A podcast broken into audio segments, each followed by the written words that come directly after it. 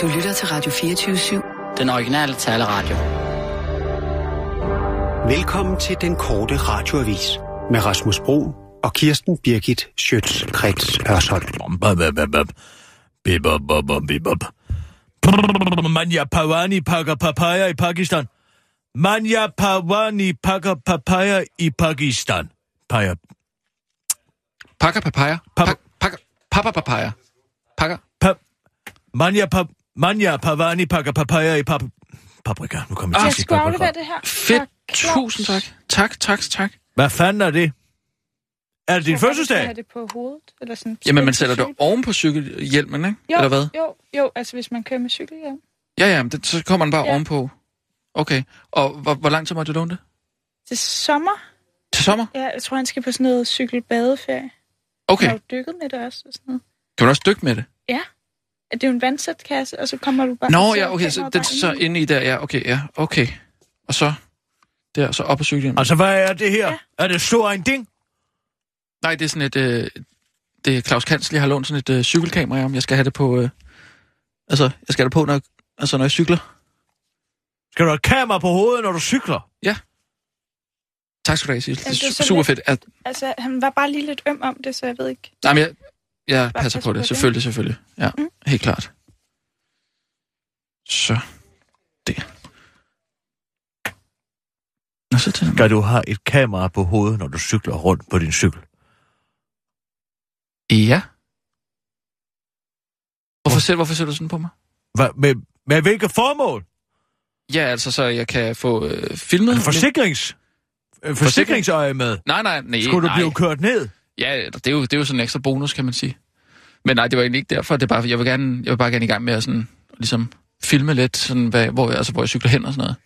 Til og fra arbejde, og hvis jeg skal ud på en, på en længere tur eller sådan noget. Hvorfor ser du sådan ud?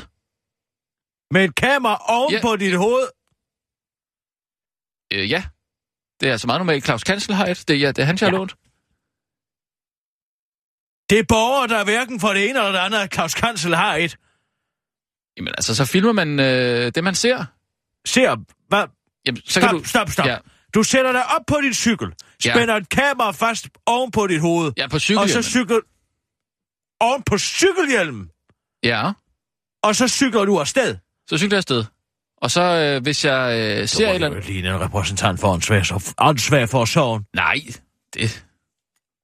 Det er der, mange, der gør. Hvad i alverden foregår der af interessante ting på vejen mellem dit hjem og din arbejdsplads, Gunther Valdraff, om jeg må spørge? Jamen, der sker det, at... Øh, jeg hørte den anden dag, for eksempel, der så jeg, øh, der så jeg lige en, der bakkede ind i en anden en, ikke? Altså en bil. Ja, Bakkede ind i en anden en. Og så stoppede jeg så for lige at se, om, øh, om han så lagde en, øh, en seddel i forruden. Det gjorde han så. Men hvis han ikke havde gjort det, så havde jeg jo fanget det på kamera, jo. Kan man sige. Altså, det er jo bare sådan noget. Men det er ikke så meget det. Det er også... Med, jo altså Søren Pinds våde drøm. det er ikke, fordi jeg skal rende og være stikker eller noget. Men det er jo... Altså, Du vil bare gerne filme offentligheden, sådan så du kan nej, det er ikke sådan nødvendigvis det, men det kan også anmelde folk, som Nej, nej, gør nej. noget, som de ikke må. Nej, nej, nej. Altså, min idé er sådan set bare, at jeg vil, altså, på mine cykelture, dem, dem vil jeg så filme, og så se, hvordan sådan for eksempel årstiderne skifter. Og så, øh, så havde jeg tænkt mig sådan at lægge et stykke musik på, hvis jeg sådan redigerer det, ikke? Og så lægge noget musik over, som passer til den stemning, jeg er i den pågældende dag. Hvem i alverden skulle sætte sig ned og se en optagelse af din cykeltur? Det er der, der er mange. Det var dog en fantastisk narcissistisk tilgang til tilværelsen, at man går og tror, at en cykeltur er så interessante. Der er folk, der flytter for at undgå dem. Altså, Hvad har du tænkt dig selv at sidde og kigge på det? ja. Det er da sjovt. Det var dog det mest bizarre, Prøv at jeg tæ- nogensinde har hørt. Kirsten, prøv nu at tænke på, når du cykler til, til at gør jeg arbejde, ikke. nej, men okay, hvis du nu cyklede lidt en gang imellem, Jamen, det gør jeg fik ikke, nej, men hvis du nu fordi gjorde, jeg har råd til en bil. Ja, okay. Jeg cykler, okay, fordi jeg godt kan lide det. Ikke også? Så cykler jeg, og så øh, ser jeg måske ikke lige så meget til verden omkring mig, når jeg sidder på min cykel og bare koncentrerer mig om at komme på arbejde og sådan noget. Så den der trummerum der, ikke? Så øh, hvis du filmer det, og ligesom får lov til at se det igen bagefter, så kan du se alt det, der sker omkring dig. På en helt ny måde. Ja, nu kører det også lidt stort op, det er da godt klar Ja, over. tak. Men Det gør du det er da godt bare nok. sjovt at filme. Det er da sjovt at filme. Altså, folk er blevet besat af at filme hvert eneste øjeblik i deres tilværelse. Altså, fædre står med kameraet helt op i vulva på en fødende mor. Altså, hvor her bevarer sig der ikke noget privat længere. Man bør ikke Går op folk går og filmer sig selv gående ned ad gaden. Hvem interesserer sig for det? Det så lev dog livet siger, og lad man- være med at gøre det igennem man en for- kameralinse. Prøv at høre her. Ja. Jeg har rejst verden tyndt. Jeg har ikke det eneste gang haft et kamera med. For jeg husker det. Jeg husker billederne. Jeg gider da ikke Ja. at så og se hele verden så igennem en du, linse. så husker du lidt din egen version, ikke? Så man måske gerne se den. Sidder du her og anfægter den sofistiske filosofi? Jeg siger bare, at øh, man måske lige genfortæller sin, sin, sin egen pyntede version nogle gange. Ikke? Så er det meget rart at kunne sætte filmen på, og jeg kan se, ja, det var det her, der rent faktisk skete. Der kan du selv se, øh, det var, det var øh, Gandhis mormor. ikke? Virkeligheden er et spørgsmål om synspunkt. Sådan er det. En grund til at dokumentere alting. Det forfladiger jo verden. Jeg- Verden er jo røvsyg. Der er ikke nogen... Der er ikke brug for et narrativ, som hedder Rasmus' cykeltur fra arbejde og hjem mere, for at gøre verden endnu kedeligere, end den er i prøv forvejen. at- Du behøver ikke at se det. Nej, Men tak. jeg, Det skal du heller ikke bekymre dig nu for. lægger jeg dig op. Jeg laver min egen YouTube-kanal. Det, er det er min plan, ikke? Jeg laver en YouTube-kanal, hvor jeg så lægger de her cykelture op, og så lægger der stemningsmusik på. Bare vent. Der skal nok komme mange, der, der klikker ind på det. det altså, hvor ser du sådan ud? Du ligner et kæmpe stort spørgsmålstegn. Altså, Hvis, der, hvis det bliver et hit, har du prøvet at gå ind på YouTube nogensinde? Så- Altså, Claus Kansel, han, har- han har altså lagt mange fede videoer op, men han har så også, altså, når han er på cykelrejser og sådan noget der, ikke? Der, der sker lidt mere måske, ikke? Men man må jo ligesom tage de cykelture, man kan få, ikke? Og så dokumentere og kør, se. kør, Sissel. Vil du være venlig at køre? Ja. Du spurgte selv. Og nu, live Jeg kan da ikke undgå at se, at I står og udveksler kameraudstyr, for at du skal kunne dokumentere en cykeltur. Hvor er bevaret.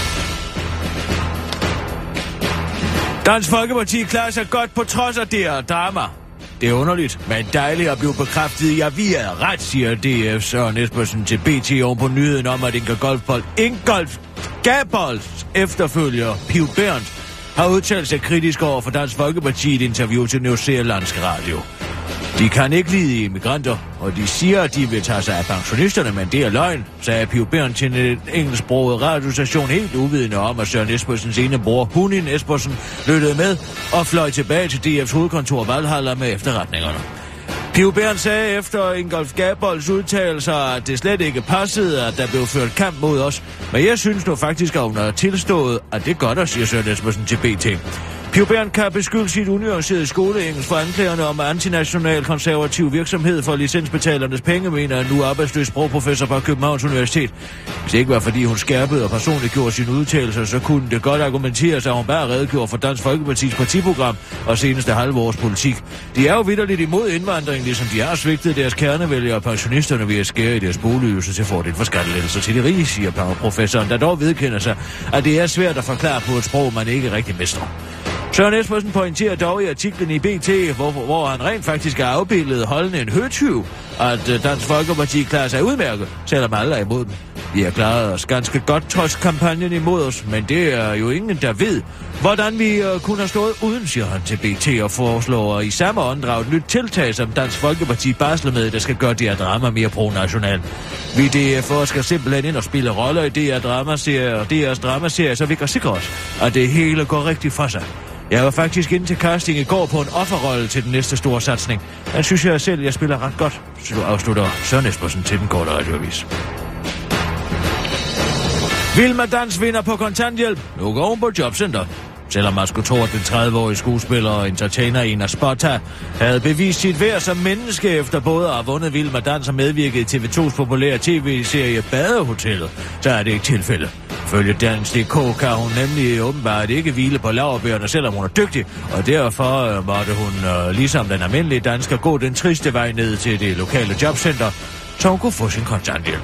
Alligevel prøver skuespilleren at se tingene fra den positive side. The waiting game. Livet er smukt. Hashtag job, jobcenter. Hashtag kontanthjælp. Hashtag Københavns Kommune. Hashtag chill. skriver hun i et Instagram-opslag. Der er indtil videre blevet liket af 162 personer, der måske selv er på kontanthjælp.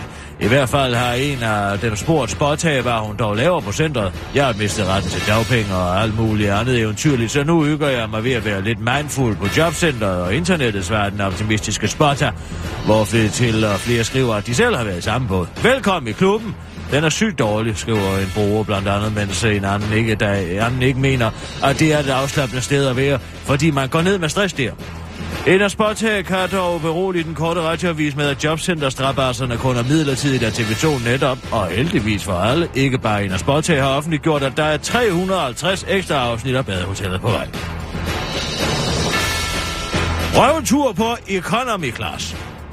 Statsminister Lars Løkke Rasmussen farver nu fagforeningen 3F ved at gøre præcis det, som de fleste danskere gør, når de skal ud og rejse, nemlig at vælge den billigste rejse. Statsministeren er netop blevet taget i at flyve med en af 3F's største fjender, det kontroversielle flyselskab Ryanair. I søndags valgte Lars Løkke Rasmussen med frue Solgrøn Løkke Rasmussen at drage mod sydligere himmelstrøg nærmere bestemt Malaga ved Costa del Sol, hvor sangrieren er billig og hårdruhåren er stærk. Der var en meget, det var en medarbejder i Lufthavn, som er medlem af fagforeningen 3F, der opdagede den rejseløsende statsminister, som sladrede til fagforeningens formand i 3F i Karlstrup Henrik Bay Clausen, og han mener, at det er noget pis, at Lars Løkke rejser med rygerne her. Jeg mener, det er noget pis, at vores statsminister flyver med et flyselskab uden overenskomst. Rygerne udgør jo en direkte trussel mod den danske model. Samtidig sidder han for bordenden ved trepartsforhandlingerne og beder lige præcis fagbevægelsens medlemmer levere, siger Henrik Bay Clausen til Ekstrabladet. Statsministeren har valgt at forholde sig tavs i sagen, men han forklarer over den korte radioavis, at han ellers aldrig plejer at rejse med Ryanair, når det er andre betaler for ham. Men at der bare var tale om en kedelig privatrejse med solgryn, og derfor havde han desværre ikke lige mulighed for at tørre regningen af på andre. Så Ryanair altså valgt at lave et system, hvor man skal aflevere lidt mindre, end man gjorde før. Det er derfor, vi har valgt at flyve med dem. Og det fører selvfølgelig til, at dem, der koster lidt mere, og som man skal aflevere mere til, og nu afleverer lidt mindre til, ja, de afleverer så mere mindre end dem, der koster lidt mindre og afleverer mindre, men altså også koster mindre mindre, udtaler statsministeren og tilføjer. Det eneste, der er lidt nederen ved at flyve med Ryanair, det er, at man selv skal betale for sin drikkevarer. Jeg drikker meget. Afslutter Lars Løkke Rasmussen til den korte radiovis. Varmere temperatur i Middelhavsområdet truer Danmark. Der er ikke mange danskere, der ikke ved, at så snart temperaturen i Middelhavsområdet stiger, og vi lægger vinteren bag os, så får det alvorlige konsekvenser for vores velfærdsstat. Men nu står en førende ekspert frem og bekræfter de bange anelser. Nu stiger temperaturen i Middelhavsområdet snart, og følgerne deraf kan gøre det svært for Danmark at håndtere masserne. Vandmasserne, siger meteorolog Brian Dollars til den korte radioavis, og henviser ikke til de millioner af flygtninge, der sidder klar i bådene til at storme de europæiske kyster, så snart vejret bliver varmere, men derimod til den våde weekend, vi går i møde. Flygtningemasserne bliver helt klart et stort problem for vores velfærdsstat, men lige nu og her, så er der altså primært nogle plusgrader, der giver os en våd weekend, vi skal bekymre os om, slår meteorologen fast. Det andet skal nok komme, siger han, og ønsker alle en god weekend. Det var den korte radioavis med Kirsten Birke Sjøtskrets. Hør sådan.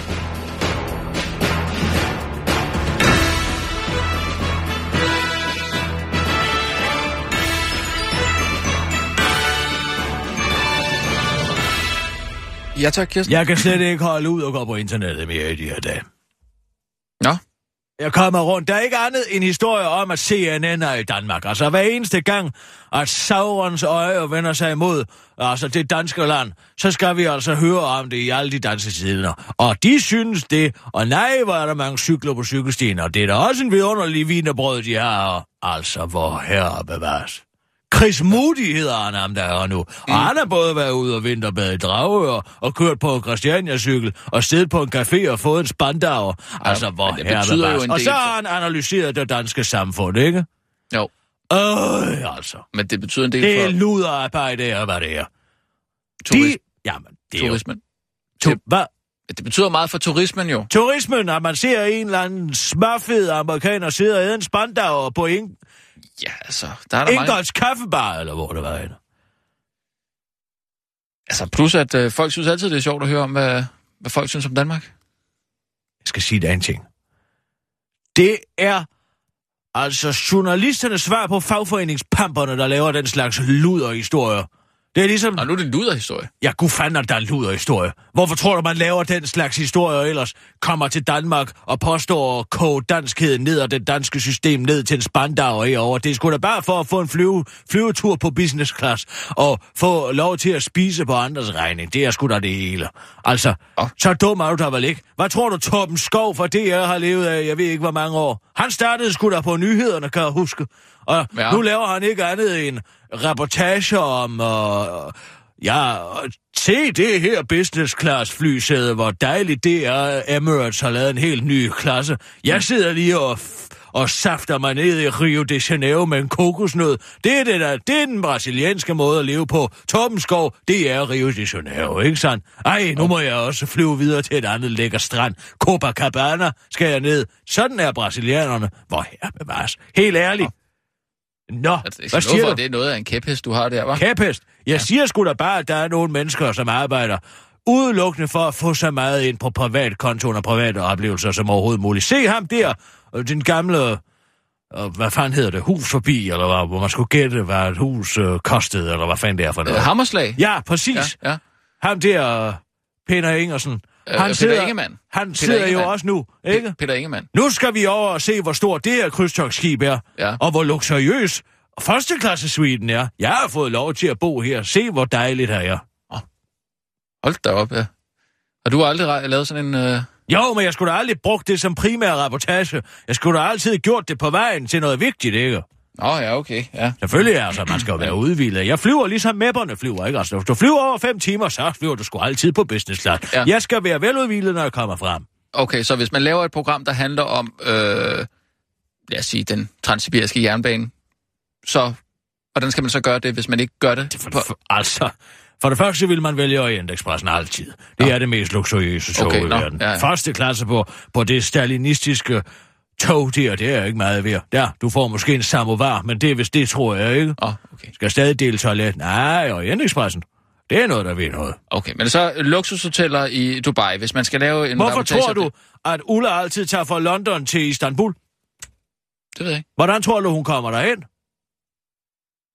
Med Orientexpressen, din clown. Nå, okay.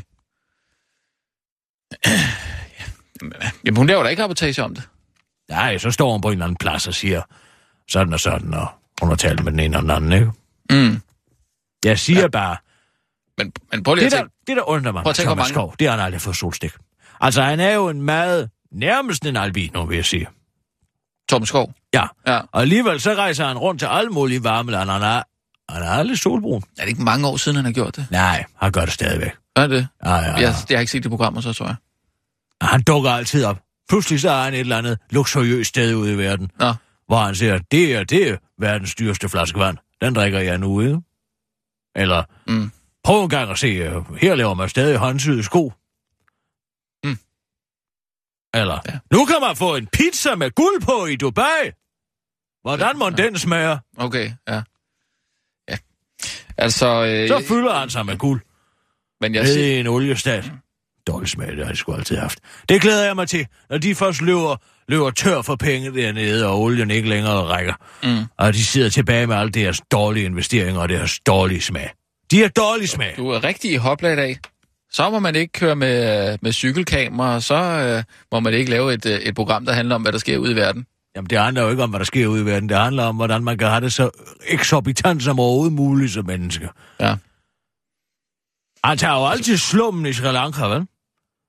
Gør det Han det? tager aldrig til farvelærerne. Nå. Nej, nej, nej. Prøv en gang at se den her nye Cadillac. Mm. Den kan jeg lige køre i. Ja, okay. Ja, men det er da en, en, en fin pointe, men altså... Har Christian Jensen for information ringet tilbage, Sissel, angående den svirper der, ja, ja. Nej, ikke endnu. Kan du så ikke lige ringe til ham? Jo, det kan du tro. Jeg synes sgu, at det er begyndt at blive lidt sløvt. Hvad tænker du? Jeg tænker på, at alle kraften på vinterferie, ikke? Ja, undskyld, jeg bare Men jeg er træt af, at man, det, hele landet går på standby hver eneste gang, at der er skolerne holder fri. Det er jo meget normalt, kan man sige. Øh, altså, det, det har jo også været tilfælde for os andre, hvis øh, så ikke var fordi du insisterede på, at vi absolut skulle være her. Der er alligevel ikke nogen nyheder jo. Der sker jo ikke noget i vinterferien. Det er Christian Jensen, Dagbladet Information. Øh, Læg en besked efter tonen. Tak. Ja, han har taget på vinterferie. Er du på vinterferie, Christian? Fordi så må du skulle se at komme hjem igen. Jeg har en svirper til din røvsyge avis. Der så mangler noget at kigge på, det har jeg sagt. Ikke sandt? Der kommer et nyt afsnit af Kissemyren. Myrtu har lavet en fin, fin tegning af Jaja. Det er det her med, at han er begyndt at blive sådan en selvtægtsmand. selvtægtsmand. Den er faktisk ret, det er en ret stærk svirper. Og øh, det er altså billedet af Jaja i profil. Jeg sender det til dig. Men altså, så kommer han på listefødder, ikke? Og så har han en bue og en pil med. Og så står der på pilen, der er der et lille øh, en markat, som er følger med pilen, når han skyder, ikke? Så står der, den versale hævner. Forstår du den? Altså versaler. Det er jo de store bogstaver, ikke? Som han jo bruger i sin digterkunst. Altså vers, den versale hævner. Ja. Hvis du ikke forstår den, må du ringe tilbage. Jeg har lige en anden ting. Jeg øh, anmelder jo fra politikken, men øh, ja, de har altså ikke vendt tilbage med min øh, nye meget, meget gode anmeldelse. Uh, øh, og det nye teater, Jekyll og Hyde. Og øh, ja, hvis information kunne tænke sig en øh, ny anmelder, så, øh, så skal du bare sige til. Jeg er ganske vist lidt dyr, men dygtig, og øh, jeg vil bare sige, at øh, weekendavisen er interesseret, så det kunne være, at du skulle skynde dig lidt og få ringe tilbage, Christian. Ring, når du øh, ja, vil stå af skien, eller øh, kommet tilbage og fra Knuttenborg Safari Park, eller hvad man laver i sådan den, den blå planet, eller Kattegat Center, eller jeg ved ikke, måske helt til Berlin. Jeg ved ikke, om du har børn. Men altså, må jeg ikke tage på cykelferie, Christian? Det håber jeg ikke. Og ring til Sissel. Hun har øh, alle kontakter, hun, hun står for det, ikke? Ja, det er godt, Christian. Har det godt. Det var kisser. Noget jeg får sagt det. Er jeg stadig på? Cut mig ud, Sissel. Du er ude nu. Ja. Det er umuligt at lægge en ordentlig besked. Hvad, hvad, hvad er det for noget med politikken? Kommer du ikke i politikken, eller hvad? Jamen, jeg har skrevet til dem, om de vil have en anmeldelse mere, og de har ikke vendt tilbage. Det er jo fordi, det er vinterferie, så. Men altså, øh, Men hvad, undskyld, men, har du, jeg skal vel stadig tjene mine penge, selvom det er vinterferie. men, men har, du tænkt sig, har du tænkt dig at droppe politikken? Bare fordi, at de ikke Kender du udtrykket? You snooze, you lose. Jo, men hvis du er fast anmelder for politikken, så kan du sgu da ikke bare hoppe over Det på... kan jeg fandme da love dig for, jeg kan. Hvorfor i alverden skulle jeg ikke kunne det? Jamen, nu er det jo dem, der har dig. Altså, det, jeg tror slet ikke, information vil have dig så. Ja, men kender du noget, der hedder medarbejderpleje? Det skal man gå meget højt op i, hvis Ja. man gerne vil beholde mig.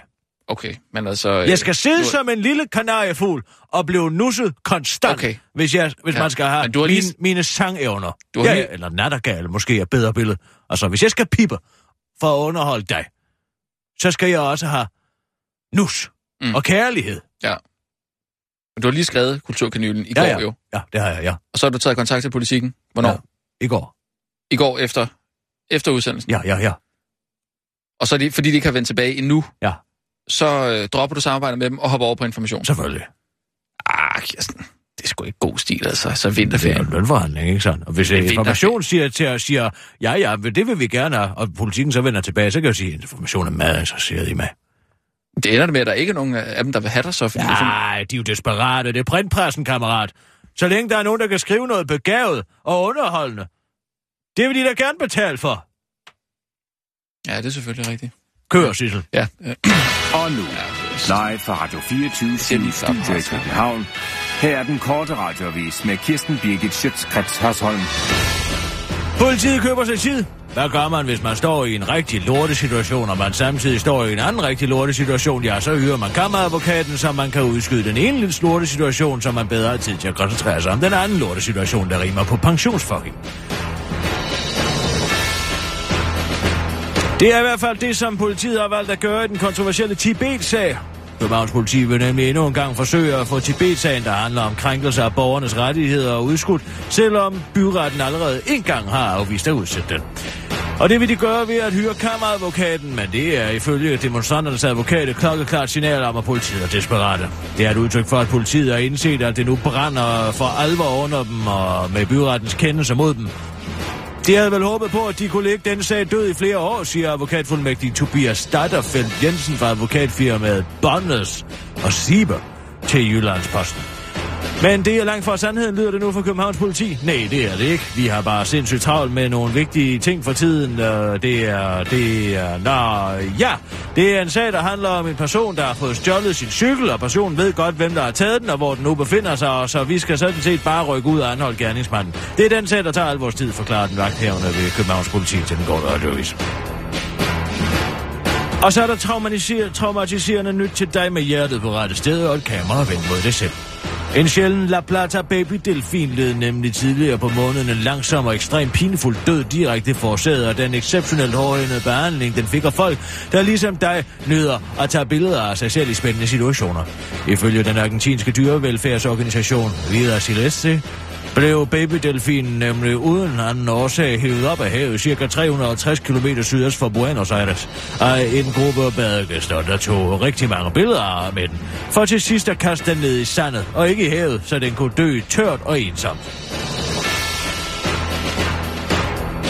Dyrevelfærdsorganisationen er efterfølgende påpeget, at La Plata-delfinen er en truet dyreart, og man øh, næste gang man ser en, øh, derfor ikke må tage billeder af den til den dør, men i stedet lader den være i fred. Jeg er så ked af det. Jeg troede, delfinen ville sige til, hvis den fik det dårligt, fortæller en klaverjant badegæst til den korte radiovis, der har misforstået, at delfiner kun kan kommunikere lydløst med andre delfiner og ikke med mennesker. Jeg holdt oven i købet også øje med den hele tiden, og jeg sværger, at dens mundvige vendte opad, altså den smilede. Og delfiner minder jo om mennesker, har jeg hørt, så jeg troede virkelig, at den nød opmærksomheden som et menneske ville, afslutter kvinden, der ønsker sig at være anonym til den korte radiovis. Tilbage i Danmark lover installationskunstner Marco Everesti, at uh, hvis eneste bidrag til verden har været at putte en guldfisk i en blender, at babydelfinen ikke er død forgæves. Jeg har længe vidst, at narcissisme var dårlig, og selfies derfor også må være dårlig. Men nu kan alle vel forstå, hvorfor, siger kunstneren til den korte radioavis, mens han for første gang i sit liv har fået bevilget penge fra Statens Kunstfond, så han kan indsamle og udstille delfinselvis som et deprimerende symbol på overmenneskelig idioti. Slap nu af. Det er jo bare 11 kroner. Miljø- og Fødevareminister Eva Kjær Hansen mander til besindighed efter det er kommet frem, at hvis kommunerne vil beskytte deres drikkevand ved at forbyde landmænd at bruge mynd- myndighedsgodkendte pesticider, så skal borgerne have portemonnaien op og lommen og kompensere landmændene. Således mente Aarhus Kommune, at, regeringen, øh, at regningen for at beskytte drikkevandet i kommunen kun løber op i 95 millioner kroner for at beskyttelse i 25 år. Betaler vandbrugerne naturligvis. Og selvom de fleste måske finder det principielt forkasteligt, at man skal betale nogen for ikke at ødelægge vores allesammens drikkevand, så vælger Eva Kær Hansen et anderledes pragmatisk bundesyn på sagen. Vi taler om 11 kroner om året per borger i det her worst case eksempel fra Aarhus Kommune, siger hun til DR-nyhederne og tilføjer til den korte radioavis. Det er jo et med en var en toffee fik kostet ned i Ave Græns, afslutter hun, mens hun spytter et havl ud af munden. Det var den korte radioavis med Kirsten Birgit Sjøskreds.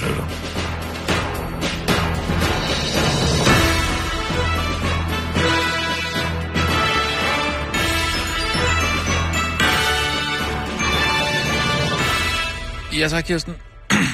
Det er simpelthen så skrækkeligt med den delfin. Altså, hvad tænker de på? Hvad for noget? Hive en delfin op af vandet? Ja, så stå og tage, tage billeder af den indtil den dør. Altså, det er helt sindssygt. Ja. Men det er jo ikke mere sindssygt, end at tage et kamera på hovedet og cykle for til og fra arbejde. Åh, det synes jeg nok, det er. Altså, jeg, skade, jeg skader sgu da ikke... Så havde du stået med et kamera lige op i snotten på Ej, den delfin. Det, hvad, åh, hvad ved du om det?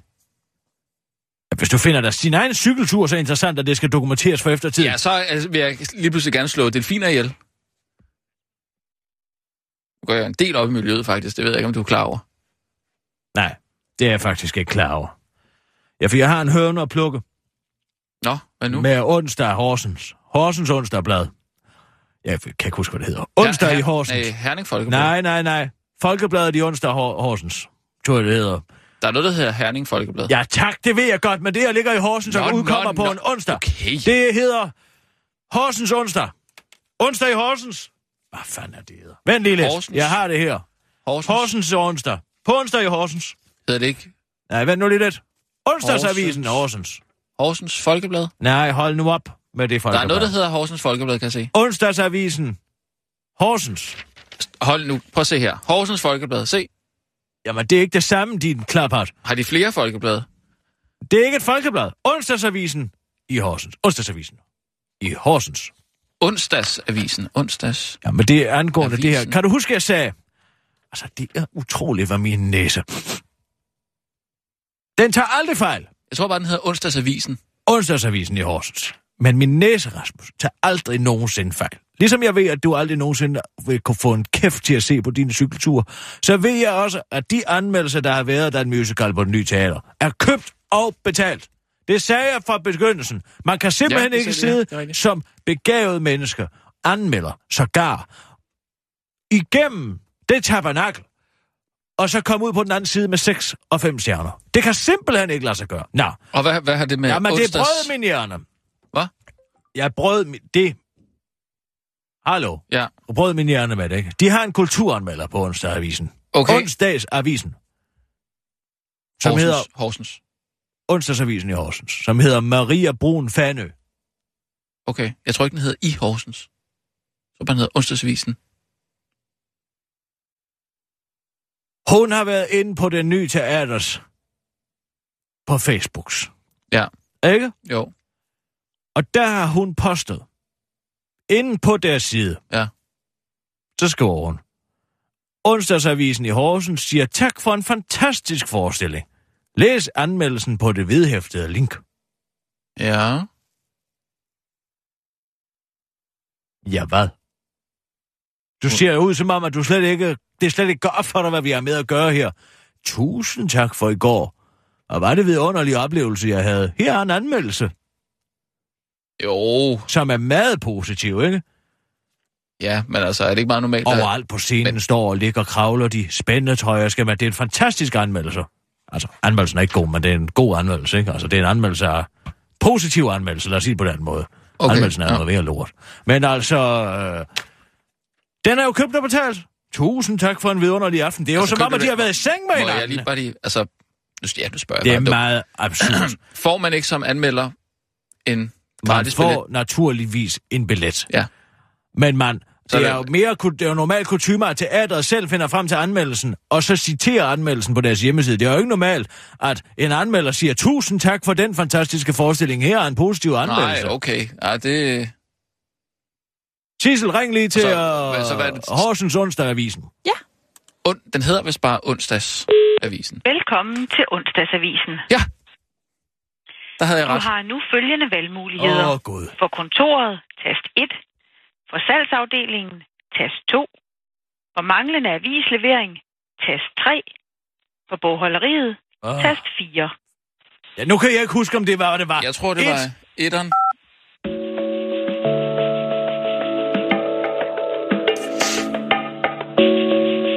Du tror ikke, de har vinterferie?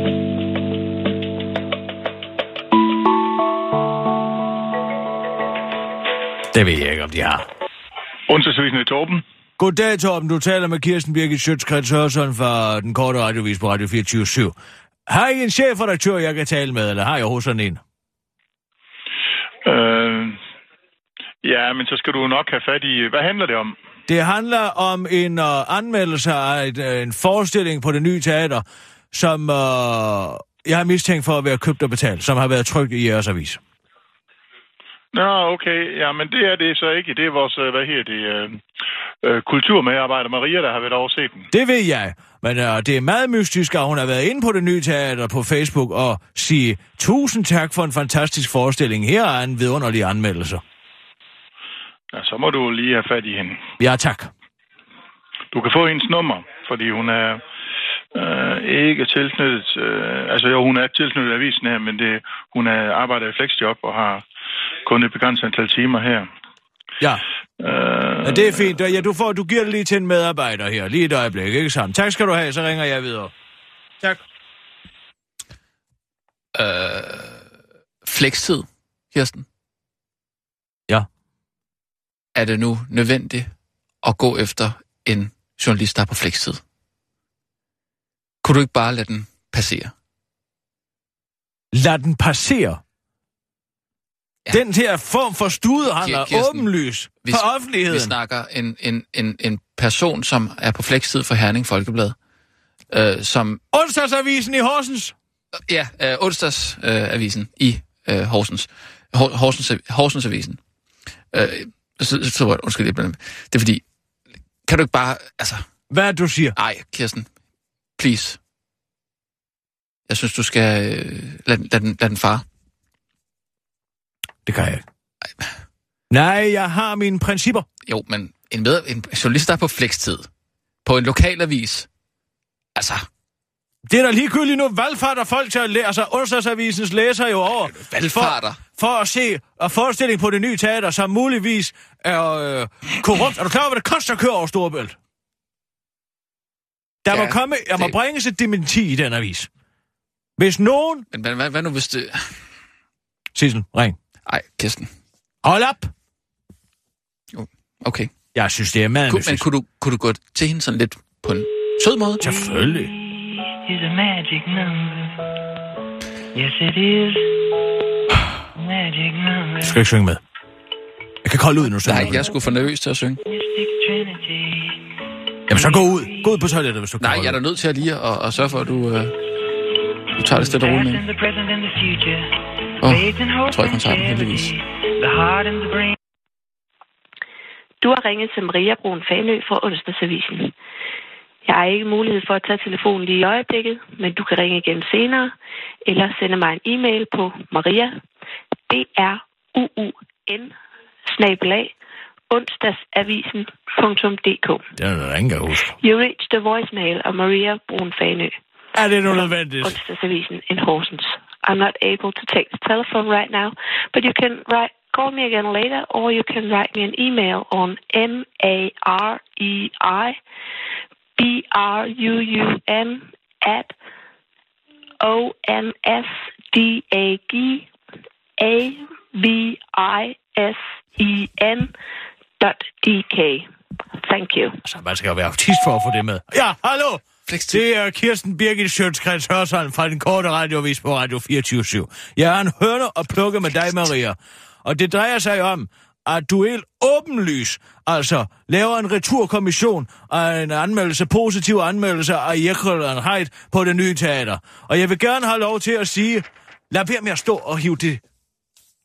Jeg vil gerne have lov til at sige, at jeg synes, det er dybt forkasteligt, at man som journalist kvitterer med en tur, kvitterer med en positiv anmeldelse for at få en tur i teatret. Du går ind simpelthen på det nye teaters hjemmeside og siger tusind tak for en vidunderlig aften. Og hvis du gerne vil have din kommentar i den her sag, skal du være velkommen til at ringe tilbage på 2024 7 24 7. Der er nemlig nogle standarder, der skal opretholdes i dette land. Og du kan skrive ellers en mail til øh, den korte radioavis snabelag r a d i o 24 s y v punktum dk. Altså det var d e n k o r t e r a d i o a v i s snabelag. Ah. R A D I O 2 4 S Y V punktum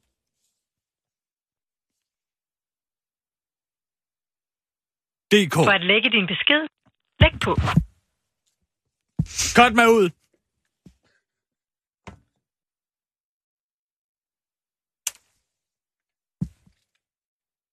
Og nu, live fra Radio 24 Studio i København. Her er den korte radiovis med Kirsten Birgit Schøtzgrads Hasholm. Hvor fanden er mine nyheder? Øh, der. Ja, ja, tak. Undskyld.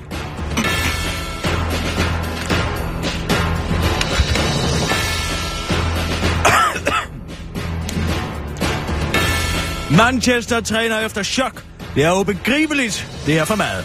Hvis du er en af de mange fodboldinteresserede danskere, der ellers til hverdag hader FY Midtjylland, vil du holder med det andet og bedre hold. Men alligevel synes det var rigtig flot, at de sådan slog storholdet Manchester United i aftes i Europa Leagues. Måske uh, mest David Goliath-agtige opgør, så tager du fejl. For Football Club Midtjyllands overraskende 2-1 sejr skyldes ifølge Uniteds manager... Oh. Jeg kender jo ikke de her mennesker, altså. Louis van Gaal. Nemlig ikke vinderholdets dygtighed og tekniske snille, men simpelthen sort uheld. Deres første scoring kommer efter et skud, der bliver rettet af. Det er ubegribeligt, det er for hvad. Fortæller en frustreret Pangal til BBC og fortsætter. Det er Murphys lov, tror jeg. Når du begynder en kamp, og din målmand lige er blevet nummer 14. Altså, det betyder det. Så starter du ikke som normalt. Der sker mange ting i hovedet på spillerne, afslutter han og refererer med at øh, blive nummer 14. Nå, til at målmanden øh, måtte udgå under opvarmningen på grund af en knæskade, hvis omfang endnu er ukendt. Og jeg vil ikke sige, at alt, der kunne gå galt, rent faktisk gik galt, som Murphys lov jo normalt foreskriver, fortæller øh, professor i teoretisk fysik ved Niels Bohr Instituttet Benny Lautrum til den korte radioavis og fortsætter. Så vil deres bus måske være gået i stykker på vej over til stadion, hvorfor de så måtte gå, mens de fik øh, kollektiv diarré og de dårlige østers, de havde spist aften før i, øh, på Hernings ellers bedste restaurant. Og så måtte de måske kravle videre, og da de så endelig kom til stadion og fik noget emotion, så kunne de spille fodbold, men så ringede alle de mennesker, som spillerne kendte, fordi de alle sammen skulle fortælle, hvad de havde fået kraft. Sådan kunne man måske undskylde sig med, at der skete noget meget, uh, skete meget i spillernes hovedgrin, og professoren til den korte radioavis og understreger, at han, på trods af, at han ellers er AGF, er en nødkampen, fordi det altid er spændende, når en lille dansker står det store udland. Må en bil hedde Tivoli? Ja, måske. Nej, nok ikke. Ifølge lokalavisen kan det være drillagtigt at komme ind på et nyt marked, i hvert fald for den koreanske bilfabrikant Sangyong. Det eneste, de ville, øh, ville var ikke at danse, men at gøre comeback i Danmark med en ny bilmodel, Tivoli. Men det må de ifølge Tivoli, altså det andet Tivoli, ikke allerede i 2000, øh, ikke, ikke, altså det andet Tivoli. Allerede i 2014 søgte Sang Young om at få navnet Tivoli registreret i Danmark, men allerede dengang gjorde Tivoli, altså haven, indsigelser. Og den strid er endnu ikke løst. Det er øh, nu et par måneder, der er nu et par måneder til Patent- og Varemærkestyrelsen har svar parat, om vi må kalde vores bil, der jo ikke er en forlystelsespark for Tivoli eller ej. Hvis det skulle vise sig, at vi får et nej, vil vi jo bare forholde os til det, forklarede administrerende direktør i det danske importselskab Jens Ibsen til lokalavisen.dk. Og hvis det står til Tivoli, altså det sjove sted, så bliver det et nej. Vi betragter dette som en alvorlig krænkelse af Tivolis registrerede varemærke, der er beskyttet af, efter varemærkeslovens bestemmelser om forbud mod anvendelse af varemærker, der indebærer en risiko for forveksling mellem allerede eksisterende varemærker og nye varemærker. Fortæller Tivolis, altså der, hvor du kan få Candyfloss, benhårde brand- og kommunikationsunderdirektør Dorte Weinkauf Barsø til lokalavisen. Det går fortsætter til den korte radioavis. Jeg er helt ligeglad med, at Bibelen ikke er en forlystelsespakke og Tivoli er en forlystelsespark, siger underdirektøren, der også var benhård ligeglad, da hun af Københavns Kommune for et par uger siden blev bedt om at stoppe byggeriet af et 45 meter høj forlystelse, fordi Tivoli, altså forlystelsesparken, ikke havde en byggetilladelse. Ifølge lokalavisen.dk er sagen planlagt færdiggjort inden for et par måneder, så det kan man jo glæde sig til, mens man venter på sommer. Hvilken musiksmag vil du helst stemme på? Er du allerede ved at være død træt af de amerikanske præsidentvalg, som først skal afgøres til november, og føles det som om du allerede har set på Trump og company i en evighed? Men synes du også, at det er lidt vigtigt, hvem der skal være præsident for stormagten og bare trænger til et nyt pust i valgdækningen? Så kommer en kort radioavis med en mulighed for at tage stilling til kandidaterne gennem populærmusikken, eller bare blive inspireret af musikken, når du trænger til en pep-talk, og for eksempel skal hente din nye thailandske kone i lufthavnen. Du kan gøre det, du gør det, og du du kan gøre det godt, bare du selv vil, og du tror på det. Det er denne følelse, som præsidentkandidaterne prøver at pumpe sig op til, når det i morgen går løs med den tredje omgang af primærvalget, dengang i sydstaten South Carolina.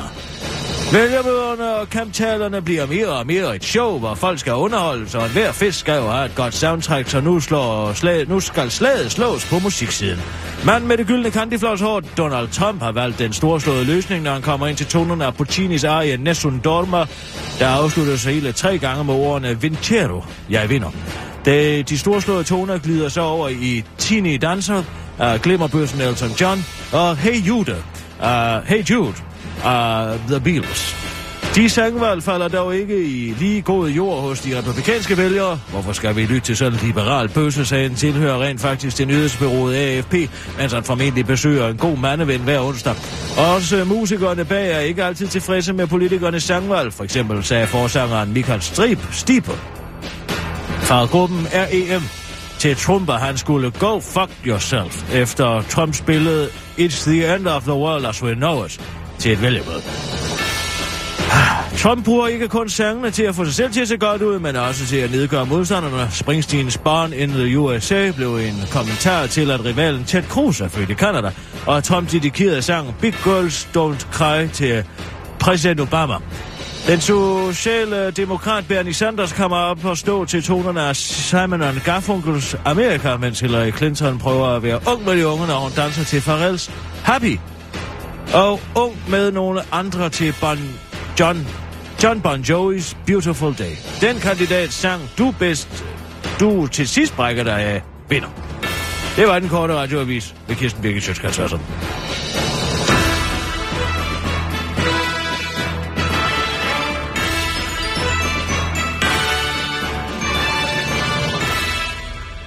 Altså meget interessant det her med, øh, med det her, de kalder for naturalized citizens.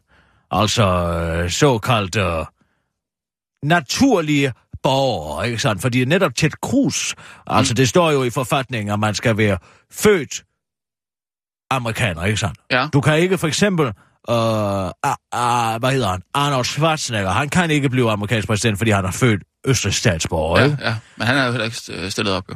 Nej, men han har, har de overvejet at prøve at lave regler der om til fordel, for at han muligvis kunne Ja, ja, melde sit ja. ja. kandidatur. Mm. Men nu kommer hele den her med Ted Cruz jo igennem, ikke? Fordi Ja. ja. han er teknisk set født i Kanada, men er en amerikansk mor og en, øh, ja, en eller anden kolumbiansk herre.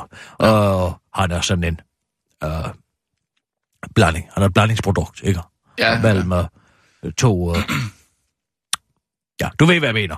Men hvorom alting er, det sjove er jo, at det er jo en juridisk beslutning, ikke? Så alle er uenige. Kan han, må han godt, og Ja, hvornår ja. er man egentlig født Ja, ja. amerikaner, ikke sandt? Ja, ja. Og det var det samme med Chester A. Arthur, faktisk. Altså den, Ja. øh, hvad den 24. eller 26. præsident.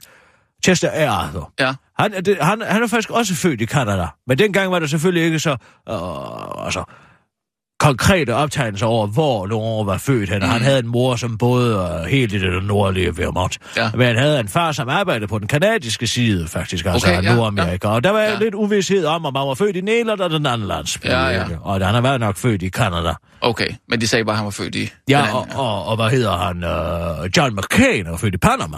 Nå, ja, okay. Han er født på en flådebase Ja, ja, der ja. i Panama, ikke? Så, Ja, men på en flådebase, teknisk det set, er jo, øh, Ja, teknisk set så er flådebaserne jo amerikansk jord. Ja, det er jo det, ja. ja. Det er meget interessant, det her. Ja. Ja. Det er ligesom rumloven.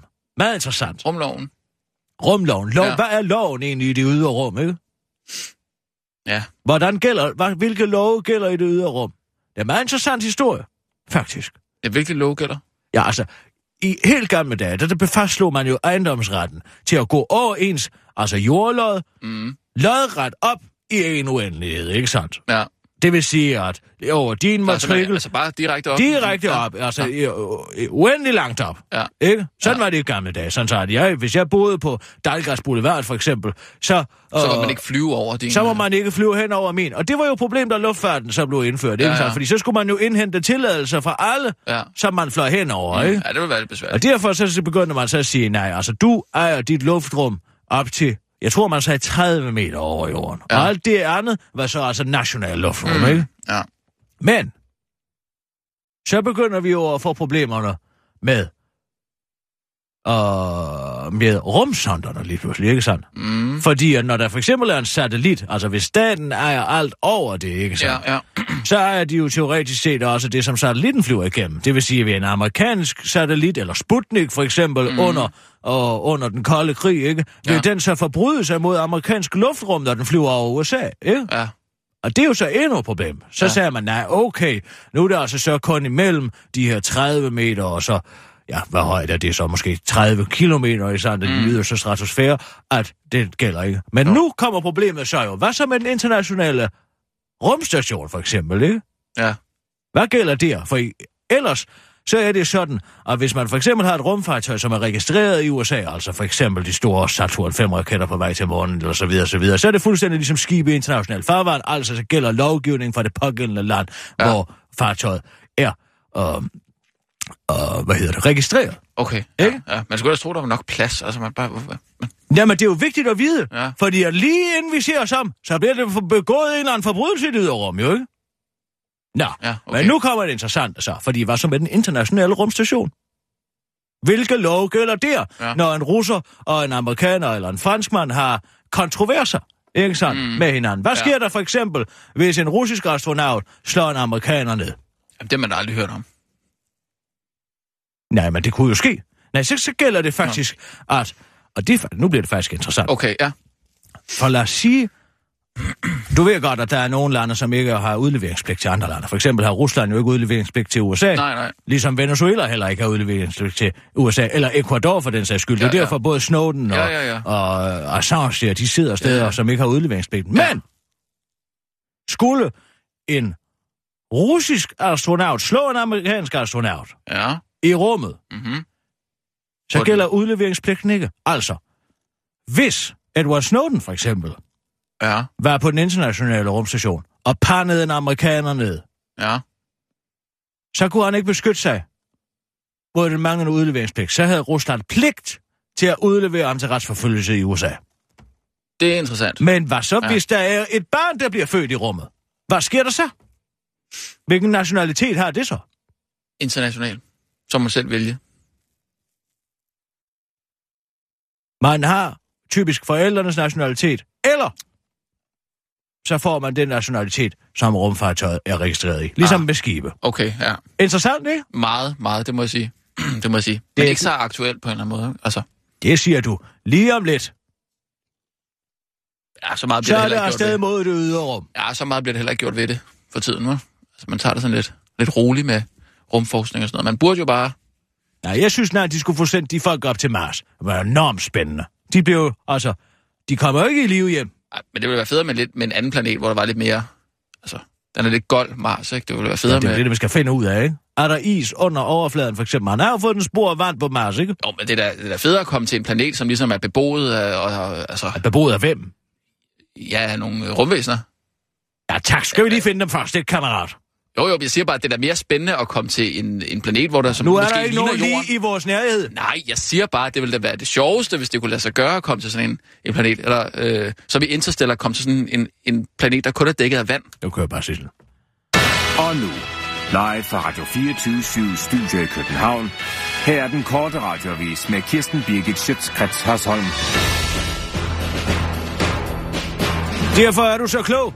Måske kan du huske din barndom, måske fordi du ikke har fortrængt den, fordi øh, den måske ikke var så forfærdelig. Måske er du af samme årsag ikke blevet misbruger, pædofil eller terrorist, fordi du i stedet er blevet en klog og universitetsuddannet ekspert. Og det er der ifølge en ny tysk forskning en helt naturlig forklaring på, for hvis din barndom ikke var elendig, så samlede du nok på ting, og hvis du samlede på ting som barn, måske dyreknogler eller kastanjer, så er du sandsynligvis blevet en klog voksen. En tysk professor i pædagogik kan nemlig efter at have interviewet 550 tyske børn konkludere, at deres samlermanier er citat guld værd, fordi barnet ved at samle på sten eller knapper oparbejder en overvældende ekspertise. Og det er ikke kun godt, fordi barnet så ved en masse, ved en masse om sten eller knapper. Ifølge professoren kan det nemlig også overføres til alle mulige andre områder, og er givende for hele læringsprocessen, fortæller han til pædagogernes fagblad Børn og Unge. Han kan også fortælle, at børns samlinger tit er samlet efter principper, der unddrager enhver voksen logik, og øh, som for eksempel øh, nævner han en samling af knapper. Her er voksne tit helt vildt fantasiløse, hvis de øh, skal finde på noget med knapper. De sorterer måske i størrelse, farve eller materiale. Børn kan derimod lave kategorier som knapperne, som jeg har døbt til at være ridderknapper, eller knapperne, som passer til at lave en måneansigt. Altså, for fortæller den begejstrede professor til børn og unge, og fortsætter med en uh, indtrængende bøn til alle forældre om at støtte og acceptere samlingerne betingelsesløst, medmindre de er uhygiejniske eller meget dyre. Eller hvis barnet er en voksen, der samler på hår eller negle eller kropsdele, så er det nok okay at sige fra, og slutter han til den korte radioavis, mens han er på vej ud for at undersøge, om uvid, udvidet næsebor er et tegn på autisme. Det var den korte radioavis med Kirsten Birgit Sjøtskreds også.